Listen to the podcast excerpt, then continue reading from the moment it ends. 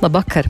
Latvijas rādio turpina ar ziņu dienestu sagatavoto pirmdienas 24. oktobra dienas notikuma apskatu. Ar to studijā Pāzla Saktiņa. Un vispirms īsies skats raidījuma tematos.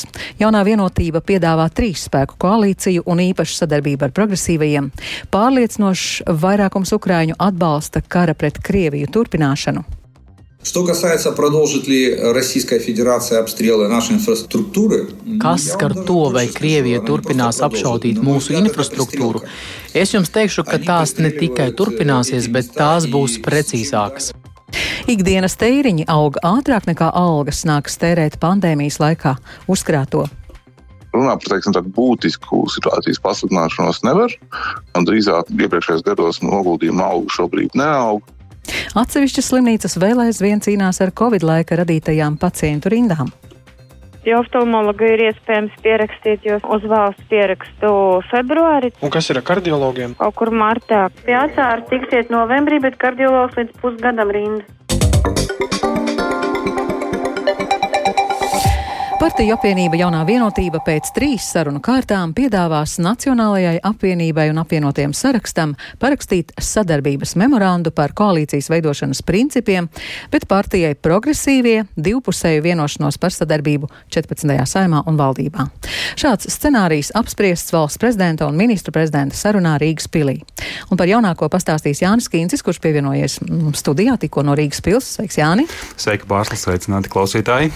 Jāni, lūdzu, pastāsti, vai tagad ir lielāka skaidrība par jauno koalīciju?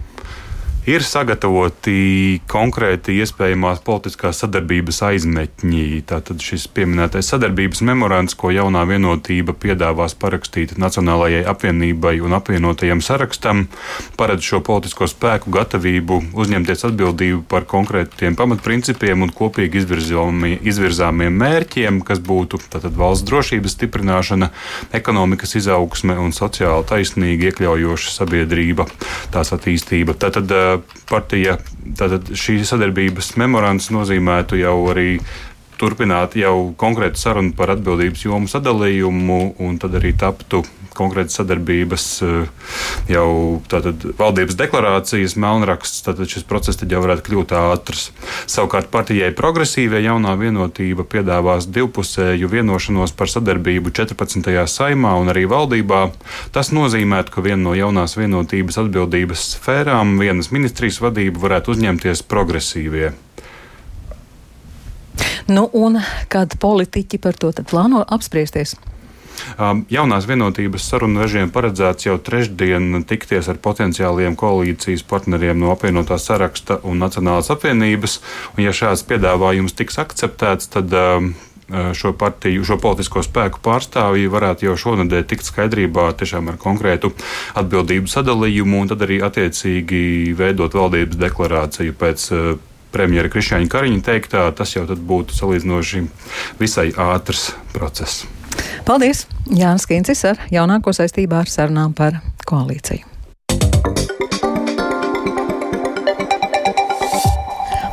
Par nākamo Lielbritānijas premjeru kļūs bijušais finanšu ministrs Rišijs Sunaks. No sacensības par konservatīvās partijas līdera amatu ir izstājies bijušais Lielbritānijas premjers Boris Džonsons, un šodien savu kandidatūru atsauc arī bijusī kabineta ministre Penija Mortonta. Un tas nozīmē, ka Sunaks ir vienīgais kandidāts.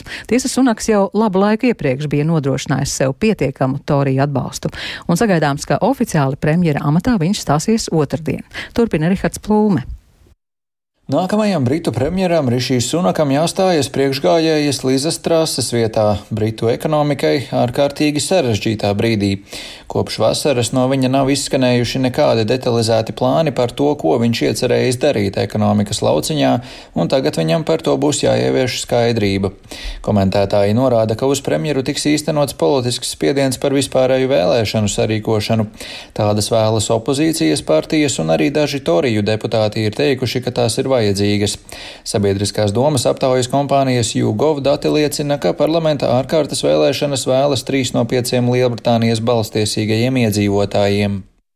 Tikmēr pārliecinoši vairākums Ukraiņu atbalsta kara turpināšanu pret Krieviju, neskatoties uz intensīvajiem Krievijas raķešu uzbrukumiem. Tas secināts jaunā Kīvas starptautiskās socioloģiskās institūta veikta aptaujā. Ukrainas Nacionālais korupcijas apkarošanas birojs meklējamo personu sarakstā iekļāvis bijušo Nacionālās bankas vadītāju Kirilu Ševčenko, bet no amata par izteikumiem saistībā ar karu Ukrainā atkāpies Rumānijas aizsardzības ministrs. Un par visu plašāk stāsta Rihards Plūme. Krievijas armija turpina apšaudes un raķešu uzbrukumus Ukrainā, mērķējot pa enerģētiskās infrastruktūras objektiem. Kā uzskata militārais analītiķis Oļegs Ždanovs, sagaidāms, ka raķešu uzbrukumi diemžēl turpināsies ilgi.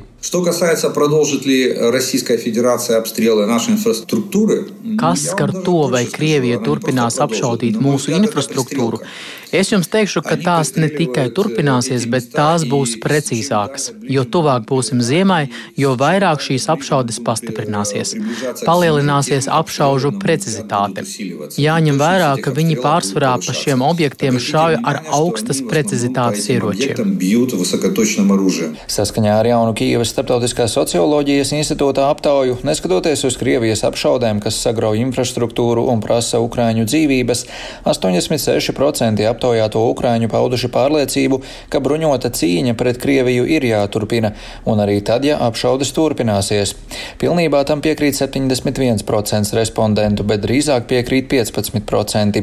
Tikai 10% aptaujāto atbildēja, ka ir nepieciešams sākt sarunas, lai pēc iespējas ātrāk pārtrauktu apšaudes, pat ja nākas piekāpties Krievijai. Vismazāk kara turpināšanu atbalsta Ukraiņu valsts austrumos, bet visvairāk rietumos. Turpinoties karadarbībai Ukrainā tiek vākti pierādījumi par Krievijas pastrādātajiem kara noziegumiem. Ukrainas ģenerālprokuratūras seksuālās vardarbības lietu prokurore Hirina Didenko šodien izteikusies, ka no Krievijas karavīru seksuālās vardarbības Ukrainā cietuši bērni, sievietes, vīrieši un veci cilvēki vecumā no 4 līdz 85 gadiem. Līdz šim brīdim esot identificēti pieci aizdomās turamie par seksuālu vardarbību, un divas lietas jau atrodas tiesā. Didenko sacīja, ka Krievijas militāra personu pastrādātie dzimumu noziegumi tiek fiksēti visos no iebrucējiem atbrīvotajos Ukrainas reģionos, bet šādu noziegumu skaitu viņa neatklāja. Tikmēr Ukrainas Nacionālais korupcijas apkarošanas birojas meklējamo personu sarakstā iekļāvis bijušo Nacionālās bankas vadītāju Kirilu Ševčenko, kā arī uzņēmuma Ukrgas banka amatpersonas, kas iesaistītas vairāk nekā 200 miljonu grivnu zādzībā. Šī gada oktobra sākumā Ševčenko paziņoja, ka veselības apsvērumu dēļ atkāpjas no vadītāja amata, bet neilgi pēc tam Ukrainas prezidents iesniedza augstākajai radai lēmumu projektu par Ševčenko atbrīvošanu no bankas priekšsēdētāja amata. Savukārt Krievijas propagandas telekanāls RT atlaidis vienu no saviem redzamākajiem propagandistiem Antonu Krasovski. Viņa nesenie televīzijas ēterā paustie aicinājumi slīcināt un dedzināt ukraiņu bērnus izsaukuši rezonanci kā ārzemēs tā Krievijā. RT Krievu valodas programmas vadītājs Krasovskis mēnešiem ilgi naidu pret Ukrainu pauž televīzijas ēterā. Kopš februāra viņš ir Eiropas Savienības sankciju sarakstā. Krasovskis šodien Telegram tīklā atvainojies par saviem izteikumiem. Visbeidzot, par atkāpšanos no amata šodien paziņojas Rumānijas aizsardzības ministrs Vasils Dīncu. Paziņojums izskanējis pēc tam, kad ministrs saņēma kritiku par savu izteikumu, ka karš Ukrainā var beigties tikai miera sarunās ar Krieviju. Sociālajos tīklos ministrs kā atkāpšanās iemeslu minējis neiespējamību sadarboties ar prezidentu. Rumānijas prezidents Klaus Johannis publiski nosodīja ministru saistībā ar viņa komentāriem, sakot, ka tikai Ukraina var izlemt, kad un par ko tā ved sarunas. Rihards Plome, Latvijas radio. Varas iestādes Kirgistānā šodien aizturējušas vairāk nekā 20 politiķus un ierēģņus, kas apsūdzēti nemieru organizēšanā saistībā ar vienošanos par robežu demarkāciju ar kaimiņu valsti Uzbekistānu. Aizturētie ir daļa no grupas, kas kritiski vērtē valdības līguma projektu ar Uzbekistānu, kas pēc kritiķu domām varētu novest pie tā, ka Biškeka nodos Uzbekistānai kontroli pār svarīgu ūdens rezervāru. Šī cilvēku grupa, kas cenšas aizsargāt dambi, tika izveidota pēc tam, kad Kirgistāna un Uzbekistāna septembrī parakstīja vienošanos par savu robežu delimitāciju un demarkāciju. Turpina Rihards Plūme. Kailima Čemija tiesību grupa paziņojusi, ka politiski nestabilajā valstī aizturēts 21 cilvēks, kurš apsūdzēts apvērsuma mēģinājuma plānošanā un vardarbīgos protestos. Vairākās pilsētās un arī citviet aizturētie cilvēki ir militārais ģenerālis, bijušais konstitucionālās tiesas loceklis, bijušais prokurors, žurnālisti un aktīvisti. Vidusāzijā ūdens kļūst arvien retāk sastopams resurss un Kempir Abada dambis tika uzcelts laikā, kad kad abas valstis vēl atradās Padomju Savienības sastāvā. Vienošanās paredz, ka Kirgistāna paplašināsies par 150 kvadrātkilometriem, bet ūdenskrātuve tiks atstāta Uzbekistānas kontrolē. Pēc Kirgistānas prezidenta Sadira Žaparova teiktā, Kirgistānai joprojām būs vienlīdzīga piekļuve saviem ūdens resursiem.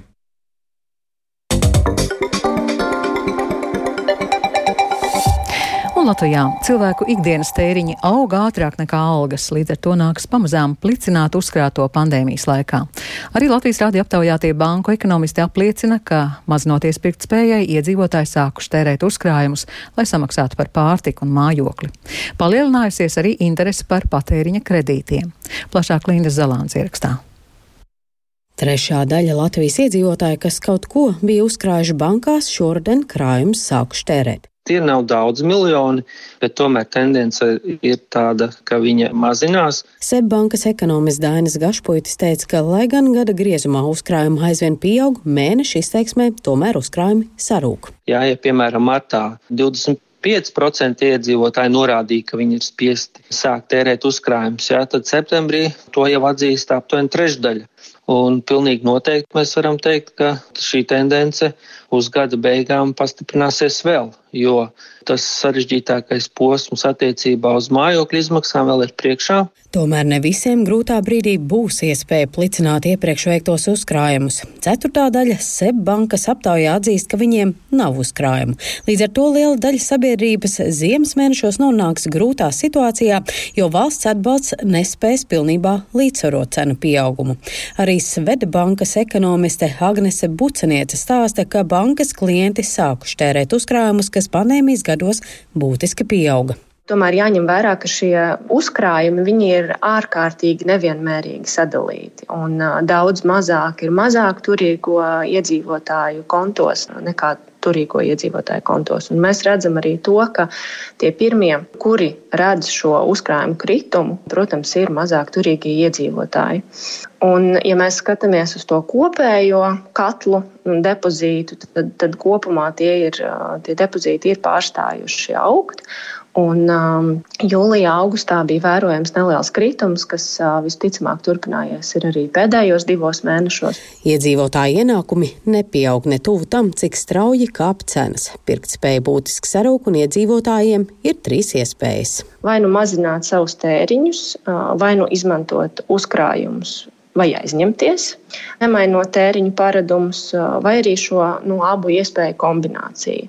Mēs redzam arī, ka pieauga interese un arī patēriņa kredīti ir vērojams pieaugums salīdzinot ar iepriekšējo gadu. Arī Citadelas bankas ekonomists Mārtiņš Aboliņš apliecina, ka patēriņa kreditēšana ir sākus pieaugt un tā ir jauna tendence vairāk gadu griezumā runā par teiksim, tādu būtisku situācijas pasliktināšanos nevar. Un drīzāk iepriekšējos gados noguldījuma auga šobrīd neaug, patēriņa kreditēšana aug un tā, teiksim, tāda kopējā sajūta, ka nu, tāda finansiālā situācija sāk pasliktināties. Bet, protams, ka lielais jautājums, kas notiksies ziemas mēnešos, jo saprotam, ka šobrīd vēl teiksim, arī šos te augstās apkurses rēķinus nu, tā īsti mēs vēl neesam saņēmuši. Āboliņš arī uzsver, ka uzkrājuma sarukuma iemesli ir dažādi, jo situācijā, kad strauji aug inflācija, rodas motivācija tērēt, nevis uzkrāt, jo nauda zaudē vērtību. Gan tāpēc, ka parādās noteikti mājasēmniecības, kurām ir problēmas arī ar šo pārtiks cenu kāpumu un ar to, teiksim, tik galā ar visiem mēnešu ķēdņiem. Noteikti ir situācijas, kur cilvēki nu, ne, neredz vajadzību krāt, ņemot vērā inflāciju. Luminor bankas ekonomists Pēteris Strautiņš teica, ka šogad mājasēmniecības sektorā ir stabilizējies uzkrājuma apjoms. Tas nedz pieaug, nedz strauji samazinās. Ja mēs skatāmies uz kopējiem noguldījumiem, tad tie sasniedz 11 miljardus pagājušā gada decembrī, un kopš tā brīža nav nozīmīgi mainījušies. Pats augstākais punkts bija aprīlī, bet tagad ir kaut kādiem 140 miljoniem mazāk jaunākajos datos, kas ir augusts. Uh, jā, var teikt, ka Latvijas mājasēmniecības ir pārtraukuši to lielo noguldījumu augšu skrējienu, kas bija pandēmijas laikā. 2020. gada sākumā Latvijas mājasēmniecību noguldījuma summa bija ap 7,5 miljardiem eiro. Pieauguma temps bija strauši ap 20% gadā. Vēl pagājušā gada otrajā pusē noguldījumi pieauga, bet tagad ir stabilizējušies. Linda Zalāne, Latvijas radio. Daļa slimnīcu vēl aizvien netiek galā ar rindām, kas izveidojās Covid ierobežojuma laikā.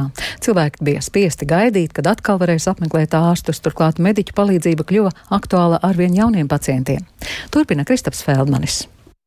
Līdz ar brīdi, kad Covid pandēmija sasniedza Latviju un šeit pieņēmās spēkā, valstī nācās ierobežot pacientu plūsmu ārstniecības iestādēs.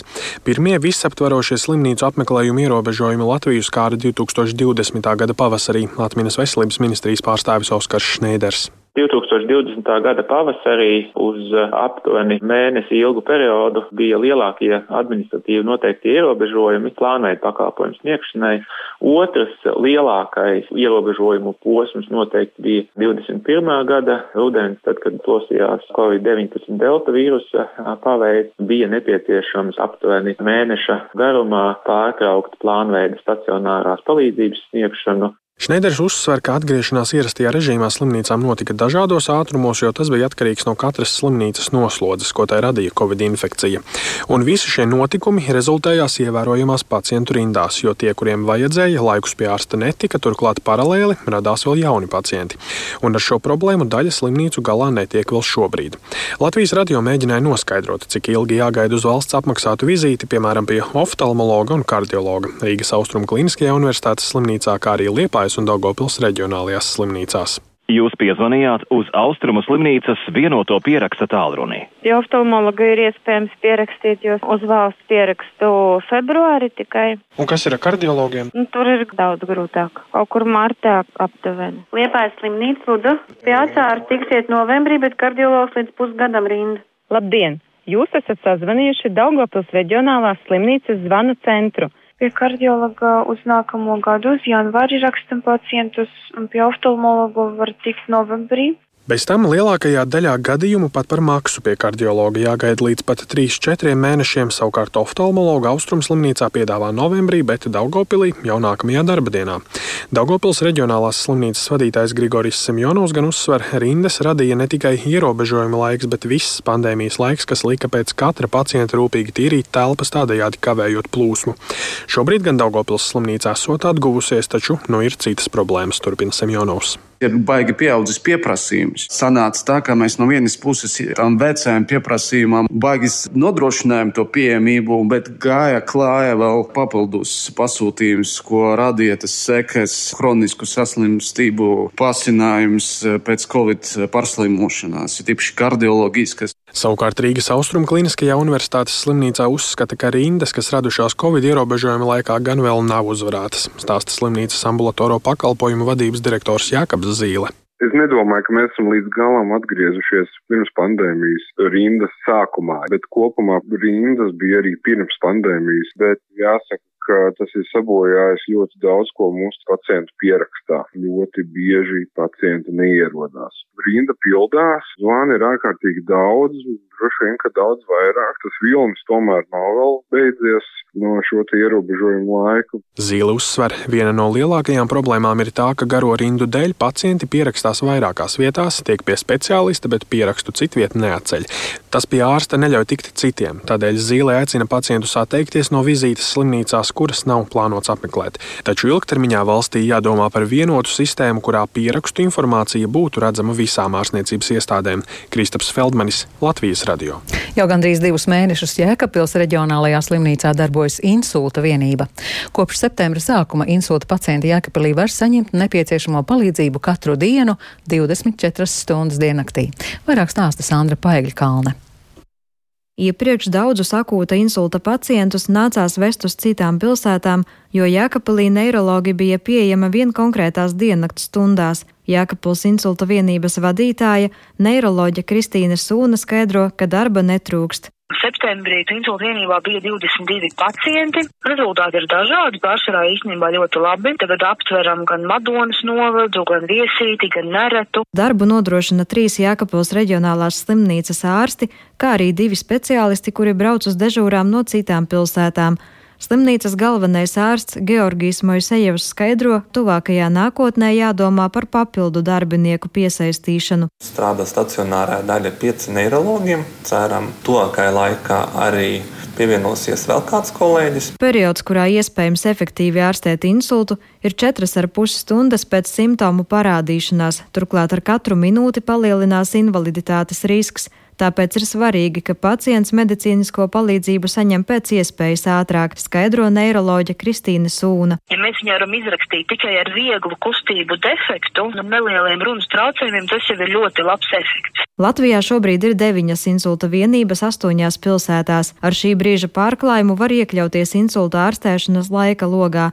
Tomēr ir gadījumi, kad cilvēks laicīgi nesaņem palīdzību, jo pats nav laikus vērsties pie mediķiem skaidro neatliekamās medicīniskās palīdzības dienesta operatīvā vadības centra vadītāja Raita Krišjāne. Ir tā, ka vienkārši neizsauc vai ir pārējoši, ja bija slikti, bija kaut kāds ķībonis vai slikta duša vai galvas sāpes. Liela nozīme ir gan paša pacienta, gan līdzcilvēku prasmei atpazīt insulta pazīmes.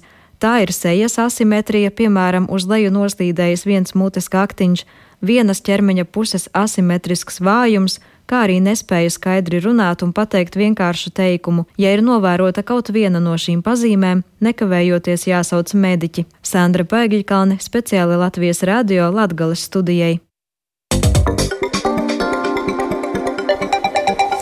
Vai mēs izmantojam digitālos mēdījus, vai gluži otrādi tie izmanto mūs? Šis ir viens no jautājumiem, ko uzdod multimediju mākslinieces Elzas Ozols jaunā izstāde Trauksmes vārti. Izstādes centrā ir virtuālās realitātes darbs, kas ataino to, kas notiek mūsdienu cilvēku prātā un kā mēs sadzīvojam ar informācijas gūzmu, kas ar vien intensīvāk pārpludina mūsu dzīvi. Plašāk par izstādi Baibas Košķis ierakstā. Izstādē ieejot, skatītājs vispirms ar neapbruņotu aci redz video darbu, kas ataino dažādas ar neskaitāmām mantām pieblīvētas vides.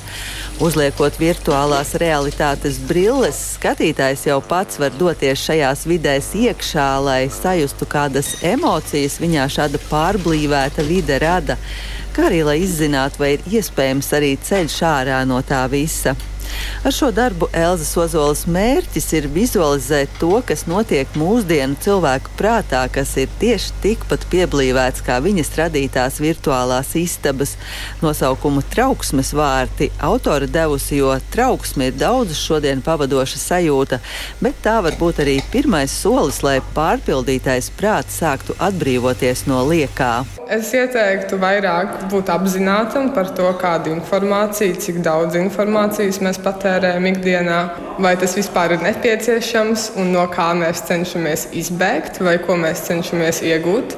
Izmantojot šos digitālos mēdījus, un vai mēs izmantojam šos digitālos mēdījus savā labā, vai tie tieši otrādi izmanto mūsu. Izstādi trauksmes vārti Elza Ozola dēvē par simbolisku mūsdienu cilvēka mentālās telpas atspoguļojumu.